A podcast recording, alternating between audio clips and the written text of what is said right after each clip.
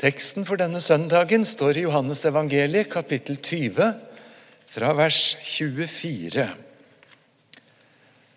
Thomas, en av de tolv, han som ble kalt Tvillingen, var ikke sammen med de andre disiplene da Jesus kom. Vi har sett Herren, sa de til ham. Men han sa, dersom jeg ikke får se naglemerket i hendene hans og får legge fingeren i det og stikke hånden i hans side, vil jeg ikke tro.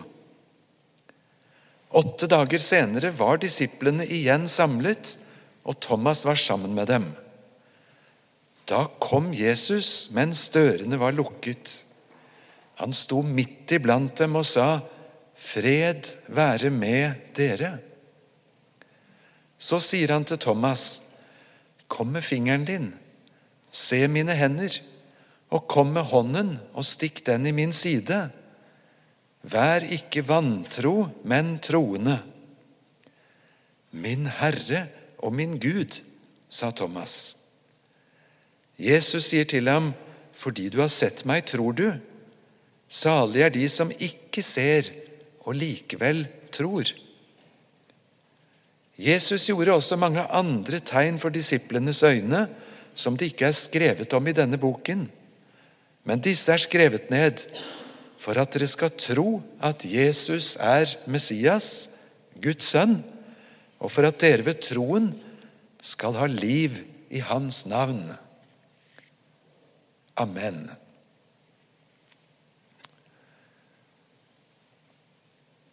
Thomas i trøbbel.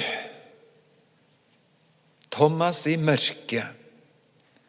Tenk på de syv dagene hvor vennene hele tiden har pepret ham med noe han bare ikke makter å ta inn.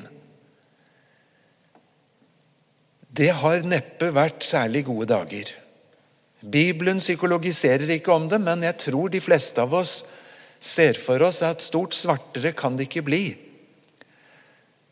Prøv å tenke på hva de hadde investert.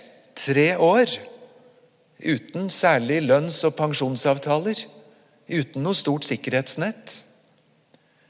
Og så er han død, og så er han borte. Og så er det forvirring, og så er det rykter. Og så stopper ryktene et eller annet sted utenfor hjertet til Thomas. Og så spør vi oss hvorfor ble det så svart for Thomas? Hvorfor hadde ikke han den troen at Jesus var stått opp igjen? Og Svaret er nokså enkelt. Han hadde ikke vært sammen med Jesu venner der Jesus dukket opp. Hadde Thomas vært sammen med Jesu venner den dagen, så hadde ikke dette skjedd. Så hadde han også fått se og oppleve at Jesus var levende. Det hender vi møter mennesker som syns det er så veldig vanskelig, dette med Gud, dette med troen. Og dess vanskeligere det er, dess lenger ser det ut som de trekker seg unna. Og uten å være sammen med Guds folk, uten å lese i Guds bok, så blir grått mørkegrått og mørkegrått svart. Og så er det så vanskelig. Da må vi få lov til å si Kom dit Jesus er, og møte. Kom sammen med de som er hans folk på jord i dag. Kom sammen med dem som hører hva han sier. Kom sammen til andre som strever på sitt vis. Og hør hvordan veien blir til. Og så er det et håp der Guds folk møtes, for Jesus har lovt der to eller tre er samlet i mitt navn, der er jeg selv midt iblant dem. Møter vi noen som har det svart på den måten, så skal vi ikke sable dem ned og kjefte på dem fordi de ikke kommer ofte nok i kirke. Men kanskje vi selv skal få lov til å fortelle og gjenspeile gleden med å få høre sammen med det Guds folk som får møte Jesus.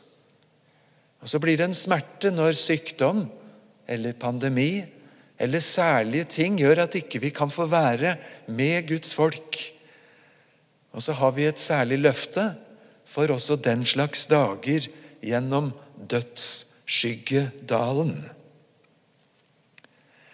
Det som gjør dette litt ekstra vanskelig, det er at det ser ut som Thomas har fullstendig dratt til håndbrekket.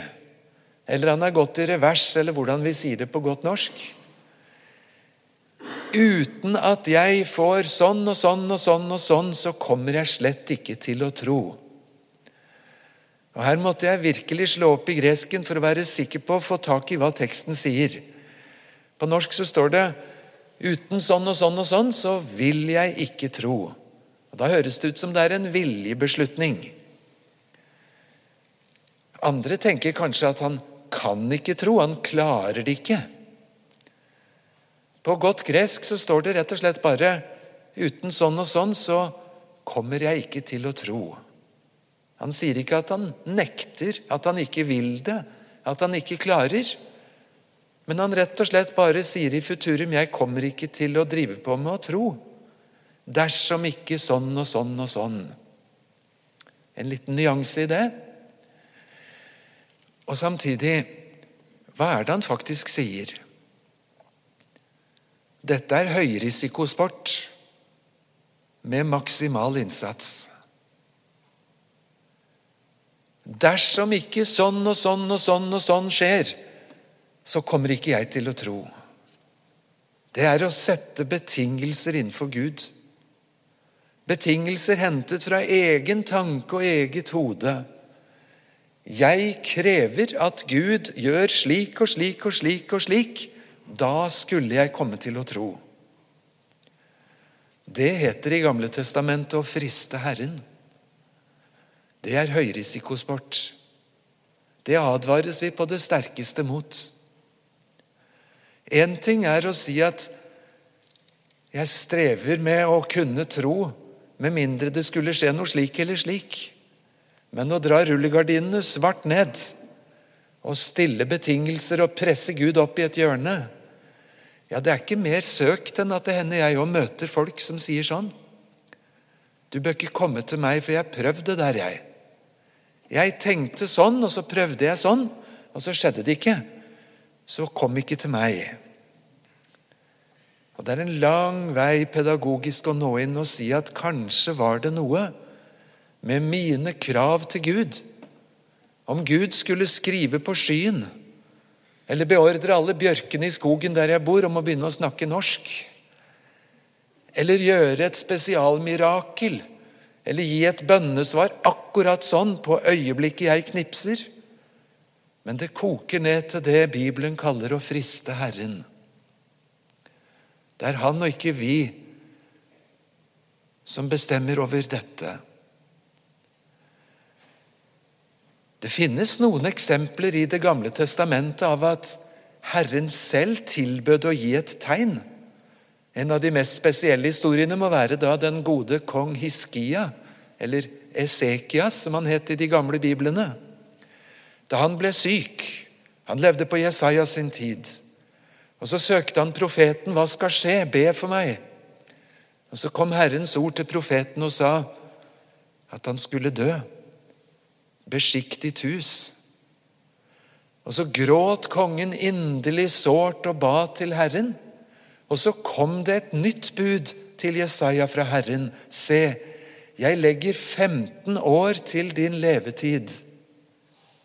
15 bonusår etter den alvorlige hendelsen, sykdommen. Og så sier Gud, og dette skal du få ha til tegn. Jeg vil la soluret som gamle kong Akas hadde bygd, gå ti streker bakover. Det var litt av et tegn. Måne og sol, skyer og vind, blomster og barn skapte vår Gud, og så justerte han litt på solskiven, så den gikk ti hakk baklengs. Han lar hele himmelhæren tre til for å vise kong Hiskia løftet som han har gitt. Og Ut av det fødes kanskje kirkehistoriens eldste barnesang, som en takk ifra kong Hiskia, for han har kastet alle mine synder bak sin rygg. Og Det er ikke dårlig. Når soluret går baklengs og levetiden forlenges 15 år, så sitter han tilbake med en takk til Han som har kastet mine synder bak sin rygg. Jo, det er en og annen fortelling av at Herren trådte til med et sånt helt ekstra tegn. Og Det hender vi hører det i dag òg. Kanskje ikke med så veldig store bokstaver, men egentlig så gikk det sånn og sånn til da jeg ble en kristen. Og så får vi høre noen dyrebare personlige minner av hendelser som ikke normalt skjer, og som Gud på en eller annen måte brukte for å åpne hjertedøra og trådte inn som frelser. Så stort det er. Og så skjer det utrolige at Jesus Kristus, Guds enbårne sønn, han tar en ekstrarunde for å møte Thomas i mørket. Tenk for et evangelium. Himmelens Gud tar en ekstrarunde for å finne den ene som sitter i sitt mørke alene. Vi har noen slike fortellinger i Gamle Testamentet òg. F.eks. da Elia hadde vært på Karmel med den enorme seieren og konsekvensene det dro med seg. Hvor lykkelig var Elias dagen etter? Han var så ulykkelig at han flyktet, gjemte seg under en busk, ba om å få dø. Husker gamle predikanter de sa av og til til folk Husk å be for oss på mandagene. Husk å be for oss dagen etter den store gudstjenesten eller det voldsomme møtet. De spesielle sammenhengene. Når alt etterpå blir så tomt og mørkt. Og det er noe i det. Hvor mange som ba for Elias, vet jeg ikke, men Gud kom. Fant han under busken, ute i ørkenen, ved en bekk og siden ved Horeb. Og så spør Gud så mildt, Hva gjør du her, Elia? Ikke en bebreidelse, en skjennepreken. Men hvorfor er du her? Var det hit jeg sendte deg? da jeg kalte deg til profet. Og siste gangen så kommer det i tillegg 'gå tilbake'. En ekstrarunde som Gud tok for å finne ham i mørket. Og Det er en spennende måte å lese Gammeltestamentet på, å lete etter Guds ekstrarunder. Og det er i sannhet spennende å være sammen med medkristne når ordet blir gitt fritt på vitnemøter å høre noen sånne historier svært personlig. Om noen ekstrarunder som Gud i himmelen tok for å finne meg på et nullpunkt. Gud den allmektige som er spesialpedagog nok til å lete frem en egen kanal for å nå fram til meg. Og hvor dyrebart det er når Guds folk har tid til å høre på hverandre og styrke hverandre på veien hjem. Og så har Jesus noe å si til Thomas. Han tar han på ordet og sier bare 'kom'. Kom helt bort. Kom og se på naglemerkene. Kom selv og stikk hånda i arrene, i sida der hvor soldatene så brutalt kjørte spydet inn da det veltet ut vann og blod. Kom og se. Vær ikke vantro, men troende. Jesus bærer naglemerkene med seg også etter oppstandelsen. I Johannes' åpenbaring blir han omtalt som et lam liksom slaktet. Det er ikke snakk om skrubbsår. Det er ikke snakk om en plasterlapp som kunne skjule et eller annet, men rett og slett slaktet. Språkets sterkeste ord. Kanskje flere enn meg har hørt om den episoden på en barneleir. Hvor de hadde en sånn spørsmålskasse der ungene kunne skrive på ting de lurte på. så Siste kvelden så skulle lederne svare. Og det gjorde de. Og så Rett før møtet så fordelte lederne hvem som skulle svare på hva. Og på en lapp så sto det Fins det noe i himmelen som menneskene har laget?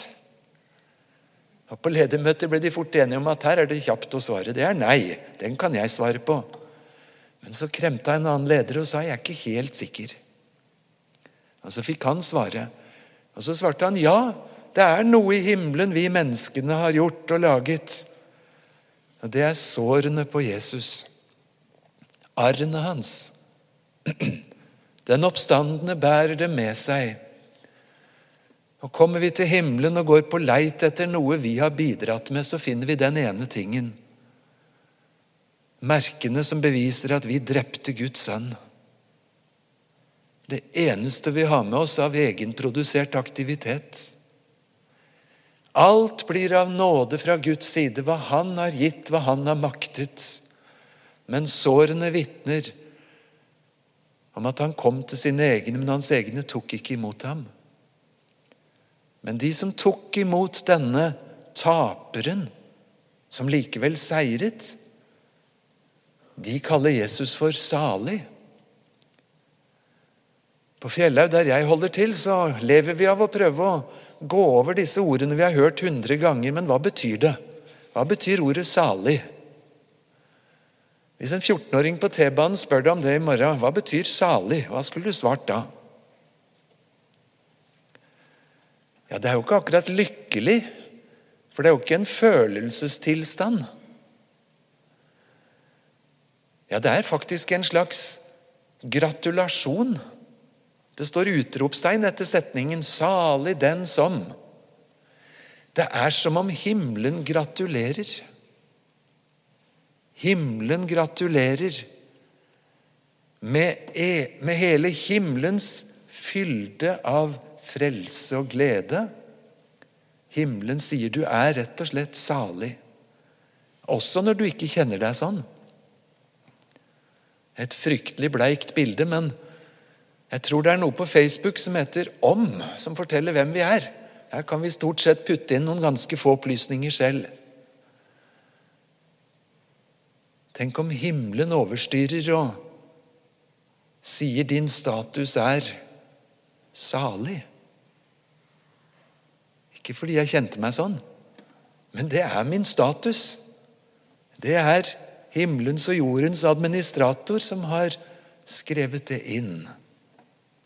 Salig, gratulerer, den som ikke ser og likevel tror. Og Dette lille ordet 'tro' det kommer seks ganger i vår tekst, med seks litt forskjellige typer setninger. Thomas er sikker på at han kommer ikke til å tro med mindre det skjer. Jesus sier at han ikke skal være vantro, og priser den salig som tror uten å se. Nå tror du. Og så sto det mot slutten av teksten at disse tegnene er skrevet ned i Johannesevangeliet for at vi skal tro. For ved troen så har vi liv, evig liv. Husker vi hva Pontoppidan definerte tro som? Det var tre ledd. Litt fritt gjengitt så handler det om først om å være informert. Det hører med til troen at man er informert om hva det er vi eventuelt tror. Og så var det det å være enig med Gud, så det ikke foreligger en protest på hva Gud sier. Du kommer neppe til å tro på noe du ikke er enig i. Og så det tredje, med tilliten, med hjertets tillit, som istemmer og sier ja. Tenk på farao, som ti ganger møtte Herrens makt på en sånn måte at han var vel informert. Han kunne til slutt ikke si seg annet enn enig at det er visst han som er herre, og ikke jeg. Men han søkte ikke til den Gud for å få hans gunst, nåde og frelse. Og så ble det som noen sier, troen. Den var 30 cm unna. Den satt her, men ikke her. Du var godt informert, kunne si deg enig i det meste, sånn tankemessig. Og så er det likevel noe som må fødes inn i hjertet. Vantro, hva er det? Og tvil. Og dette syns jeg er veldig vanskelig. For på godt norsk så har vi to forskjellige ord. Tvil og vantro. Hallesby skriver nokså greit om det han sier at vantro det er når du ikke vil tro. Men tvil, det er når du ikke klarer det. Og Det er en fruktbar måte å nærme seg det på. For det er noen som plages av at ikke de kan tro, og skulle så gjerne bli kvitt den plagsomme tvilen. Og så er det andre som i grunn har det riktig så greit med å holde troen på rikelig avstand, og som ikke har noe ønske om at tingene var annerledes. De trives utmerket. Og kanskje trives de utmerket med å diskutere òg, på armlengdes avstand. Jo, det kan være en forskjell på tvil og vantro. Det er morsomt å lete etter ordet 'tvil' for en sånn litt språknerd. På tysk så heter det rett og slett 'zweifel'. Og det er jo det vi har det på norsk òg. Tve. Det er noe som er to. Det er delt. Det er to greier inni meg. Det er tro og ikke-tro som roter det sammen og blander seg og forvirrer meg og setter meg i offside. Tvilen det er nettopp på den ene siden jeg har, og så har jeg det ikke. Og har jeg noe som helst, hvordan ble dette her? Og Det er sånn det står f.eks. da Jesus ga misjonsbefalingen. Da Jesus møtte dem på fjellet, så står det at de falt ned og tilba, men noen tvilte, står det. Og så sa Jesus, 'Meg er gitt all makt, gå og gjør alle til disipler'. Hva slags tvil kan de ha hatt? Ja, En gang til så er det litt morsomt for å ha fått lært gresk, for der står det ikke akkurat det norske ordet 'tvil'. Der står det at da var de i to status. Rett og slett det står det på gresk. Da var de i to verdener. De var liksom på den ene siden, og så var de på den andre siden. Så hvor var de nå egentlig? Ja, heldigvis så var de hos Jesus. Og heldigvis så tilba de han. Og heldigvis så fikk de høre han selv love å være med dem alle dager. Både når de er i én status og to status, og hvor mange splittelser det kan være i sinnet vårt.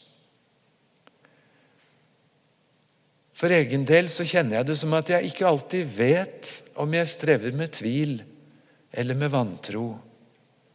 Trives jeg med Gud litt på avstand? Er jeg egentlig oppriktig i at det er et problem at noe liksom har et forbehold inni meg? Eller hvordan er det? Jeg vet ikke helt. Jeg har på en måte blitt enig og venner med det at ikke vi har noen sånne vanntette definisjoner av tvil og vantro. Det er noe som begrenser, som holder igjen. Og I prinsippet kan jeg se forskjellen på at jeg ikke makter å falle til ro i troen, og det at jeg ikke ønsker å slippe ham til. Men hvem av oss kan si at vi aldri har ønsket Gud litt på avstand? Jesus, enten jeg hører hjemme her eller der eller der, til deg søker jeg. Til ditt folk vil jeg regne meg. Der ditt ord leses, vil jeg være. Kan du møte meg der? Og så har jeg tenkt litt i møte med denne søndagen om kanskje det skulle være en liten risiko også.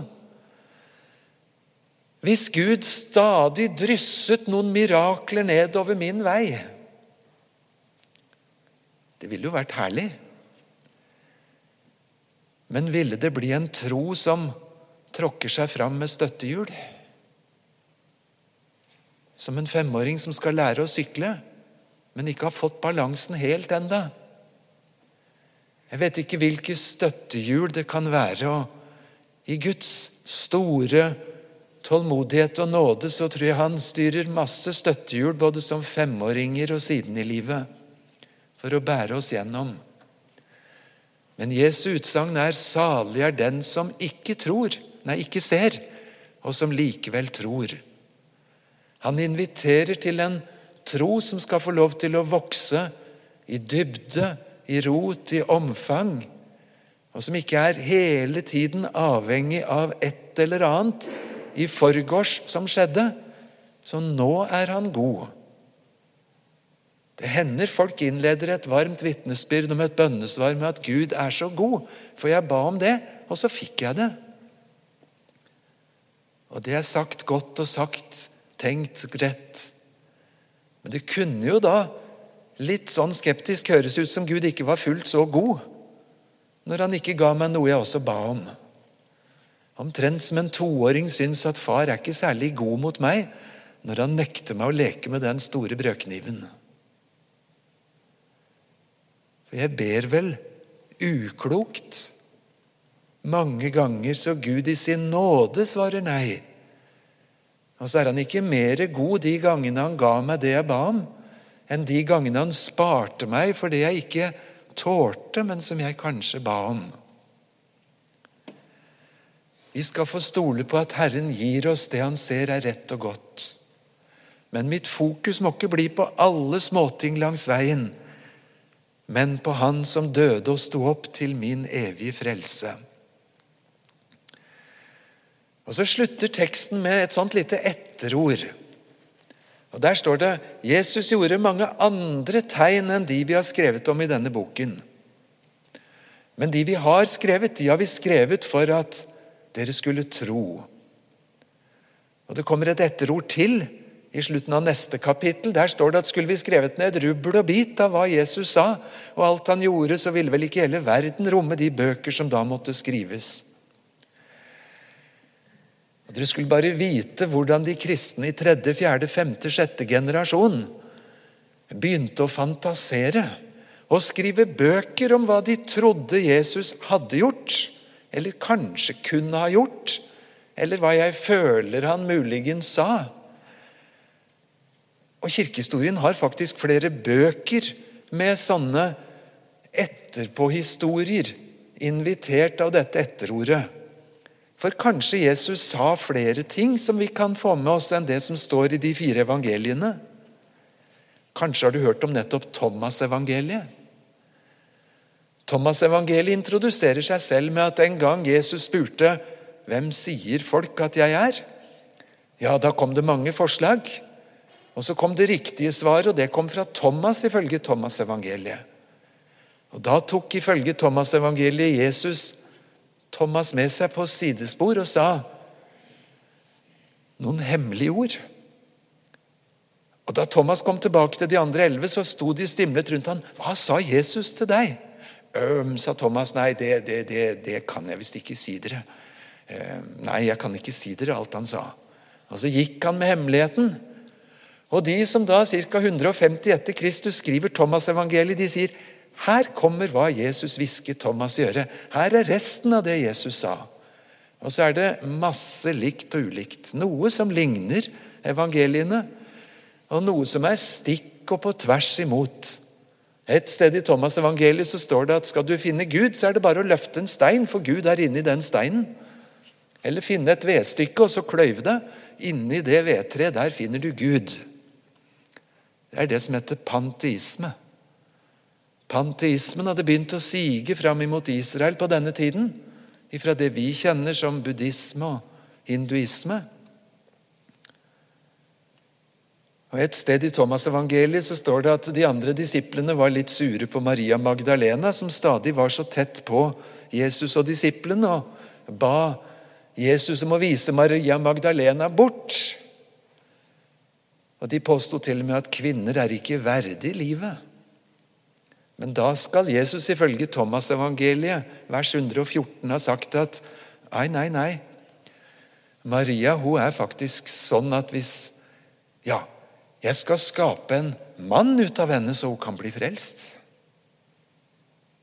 Og Så aner vi et verden av gnostisisme, hvor de trodde at du måtte være mann for å bli en kristen. Og at det var mulig å bevege seg i stadier fra dyr til menneske. fra, mann, fra kvinne til mann og til stjerne og til engler. En egentlig hedensk verden som blanda seg med kristendom, og som rota seg sammen inn i Thomas-evangeliet. Og så var det noen som fantaserte om hva kan ikke Jesus den allmektige ha gjort da han var et lite barn? For han var jo Guds sønn fra fødselen av.